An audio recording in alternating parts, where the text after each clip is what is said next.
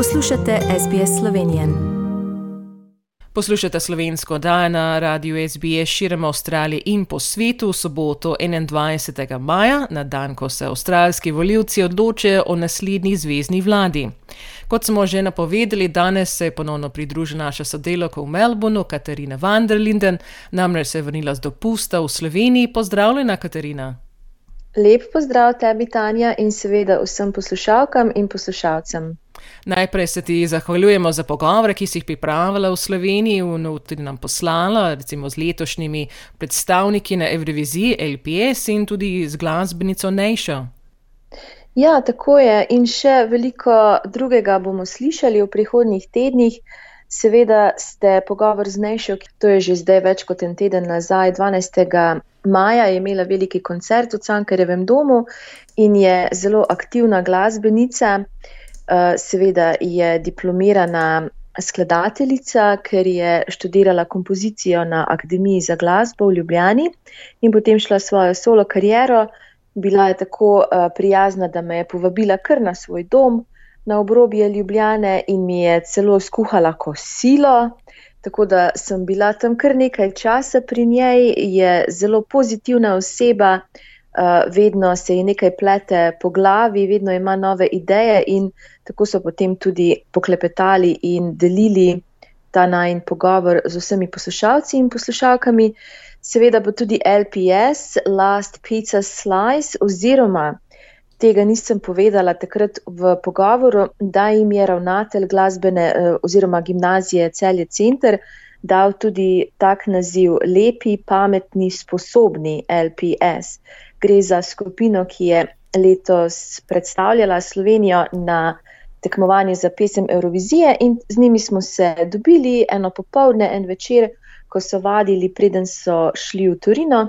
Tako da ja, je bilo kar zelo zanimivo, zelo glasbeno obarvan dopust.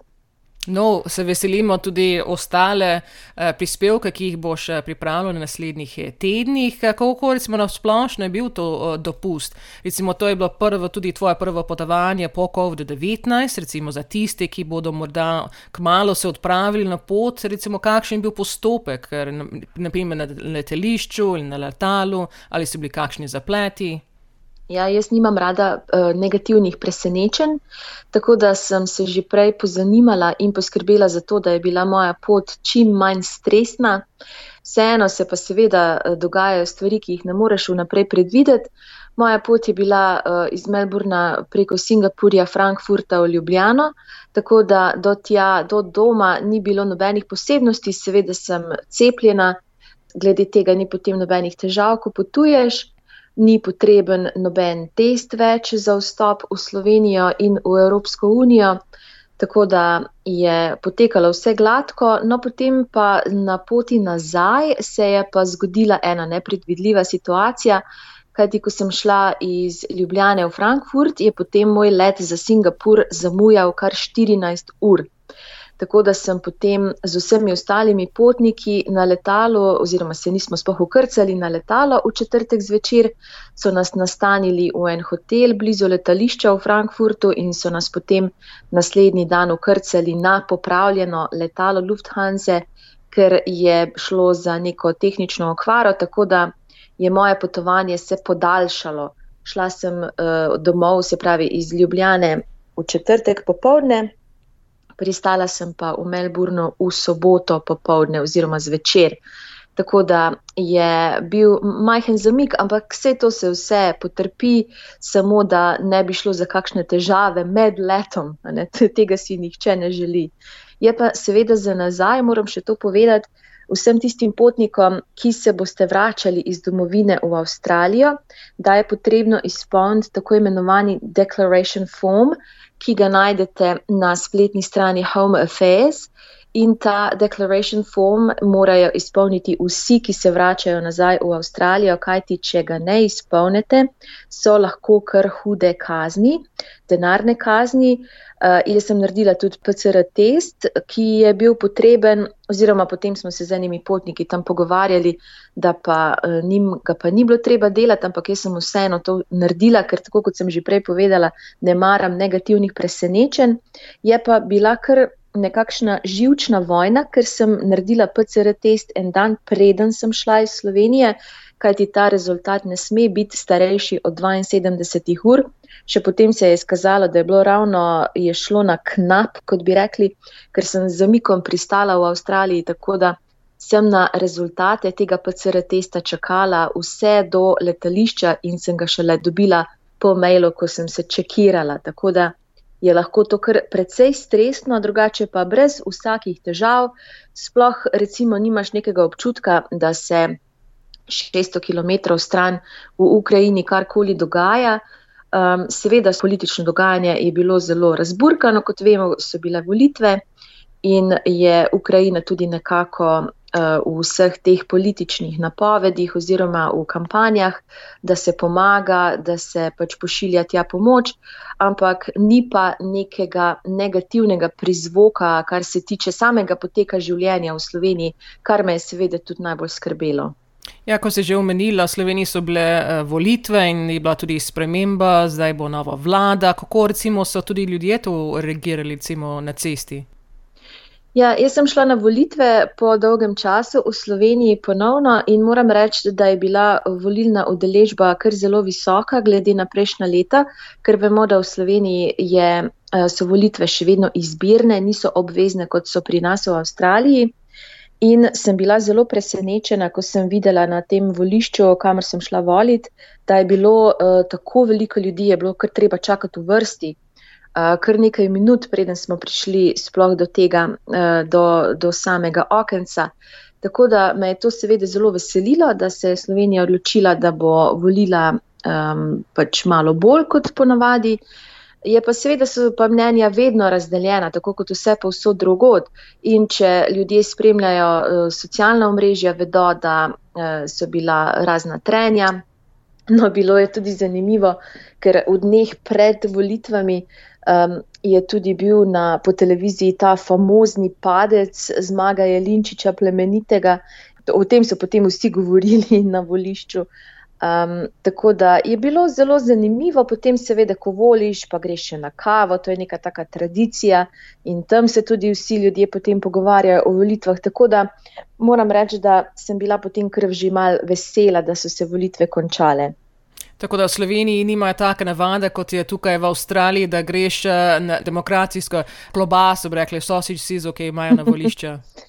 ja, ni tako kot pred priljubljeno trgovino, uh, kamor gre, gremo po razne pripomočke za dom. Uh, sosič sizo, ne, mislim, da je bolj to, da greš v gostilno, da mogoče greš na kavico, pa na uh, kakšno drugo okrepčilo. Uh, uh, ni, ni zdaj to nekaj takšnega, da bi potem šli vsi z veseljem jesti. In to, da, to boš pa danes uh, doživela, ko boš prvič tudi glasovala na zvezdnih volitvah v Avstraliji. Ja, tako je. Uh, to je danes posebna čast oziroma dolžnost kot novopečeni državljanki Avstralije. Novembra sem dobila državljanstvo, tako da ja, danes grem pa na volitve. In me prav zanima iz same radovednosti že, kako to poteka, kako se eh, te volitve razlikujejo od slovenskih, pač volitve kot volitve, ampak sam postopek. To, to me zelo zanima iz prve roke. No, boš uh, verjetno imela velike izkušnje danes. Uh, v času dopusta pa sem slišala, da je tudi cela družina Ganič bila na enem mestu in ste praznovali tudi okroglo obletnico. Sicer letos praznujete 30 let delovanja. Kako ste obeležili dogodek? Ja, res je, letos je prav posebno leto, že zaradi tega, ker smo bili prvič po devetih letih vsi člani družine Galič, torej moj oče Jože, mama Cita, brat Marko in jaz, smo bili vsi skupaj na enem mestu v živo, ne preko ekranov, ne preko ne vem kakšnih klicev, ampak v živo smo bili skupaj. Kajti moj brat se je po sedmih letih življenja na, v Aucklandu, na Novi Zelandiji, vrnil dve leti nazaj v Slovenijo, v domovino, svojo partnerko Majo. Tako da smo potem nekako načrtovali že vnaprej, ko se je vedelo, kdaj bom jaz prišla v Slovenijo, da bi pa to našo obletnico, ki je letos uh, eh, 30 let, odkar smo pričeli s prepevanjem kot družinski ansambl, da bomo ta jubilej obeležili s kakšnim koncertom. No, potem se je izkazalo, da bosta koncerta kar dva. Prvi koncert je bil v Žalcu, v Avli kulturnega doma in sicer je bilo to v četrtek 5. maja. Potem smo pa 8. maja na nedeljo imeli še koncert v planinskem domu pod Reško planino v Marija Reki, odkudar izhaja moja mama Cita. Na obeh koncertih je šlo tudi za predstavitev uh, očetove knjige, ki jo je napisal o mami in o, o kateri sta vidva že govorila v oddaji. Um, in seveda koncert, ki je bil težko pričakovan, predvsem strani naših uh, družinskih prijateljev in um, družinskih članov, ostalih sorodnikov, ker so vedeli, kaj se pri nas dogaja, uh, kakšna so naše življenja, naše življenjske poti, in so potem bili vsi zelo veseli, da smo se skupaj dobili in da smo naše petje, našo glasbo delili z drugimi. Je pa to izgledalo res filmsko. Mi nismo imeli vaje, mislim, da, ja, tako kot sem prej rekla, devet let, mislim, vaje. Se smo šli nekajkrat skozi čez pesmi. In je bilo potem res zelo zanimivo spremljati, da v bistvu mi nismo eh, potrebovali nobene vaje, ker je bilo tako, kot da bi prejšnji vikend nekje nastopali. Ne. Sploh ni izgledalo, kot da bi um, bila to neka taka pauza devetih let. Je bilo pa seveda zelo lepo videti stare prijatelje, znance in eh, ob tej priložnosti, ob 30. obletnici družine Galič, smo tudi upihnili svečko oziroma dve svečki, tri in nič, na torti, ki jo je spekla moja sošolka iz srednje šole in akademije, Jrneja Vivod Ušen. In ta torta je potem bila tako dobra, da je ni ostalo nič. Torej, pohrustali smo jo vso torto. No, bomo seveda videli tudi nekaj ja, slik, seveda o tem na naši spletni strani. In po najnem pogovoru bodo poslušalci tudi slišali posnetek eh, koncerta, sicer ta pesem Kako bom ljubila. Eh, v nadaljevanju oddaje se tudi pripravlja nam zanimiv pogovor, mogoče malo poveš o tem. Pogovor, ki ga bomo slišali v nadaljevanju, je pa ena skupina, ki se imenuje Sam's Feva, torej samova vročica po slovensko. In gre za zanimivo skupino, ki um, poustvarja ali pa ki igra glasbo Elvisa Presleya in njegove pesmi. Gre za rock and roll in oni uh, to poustvarjajo in uh, imajo bend že kar nekaj let.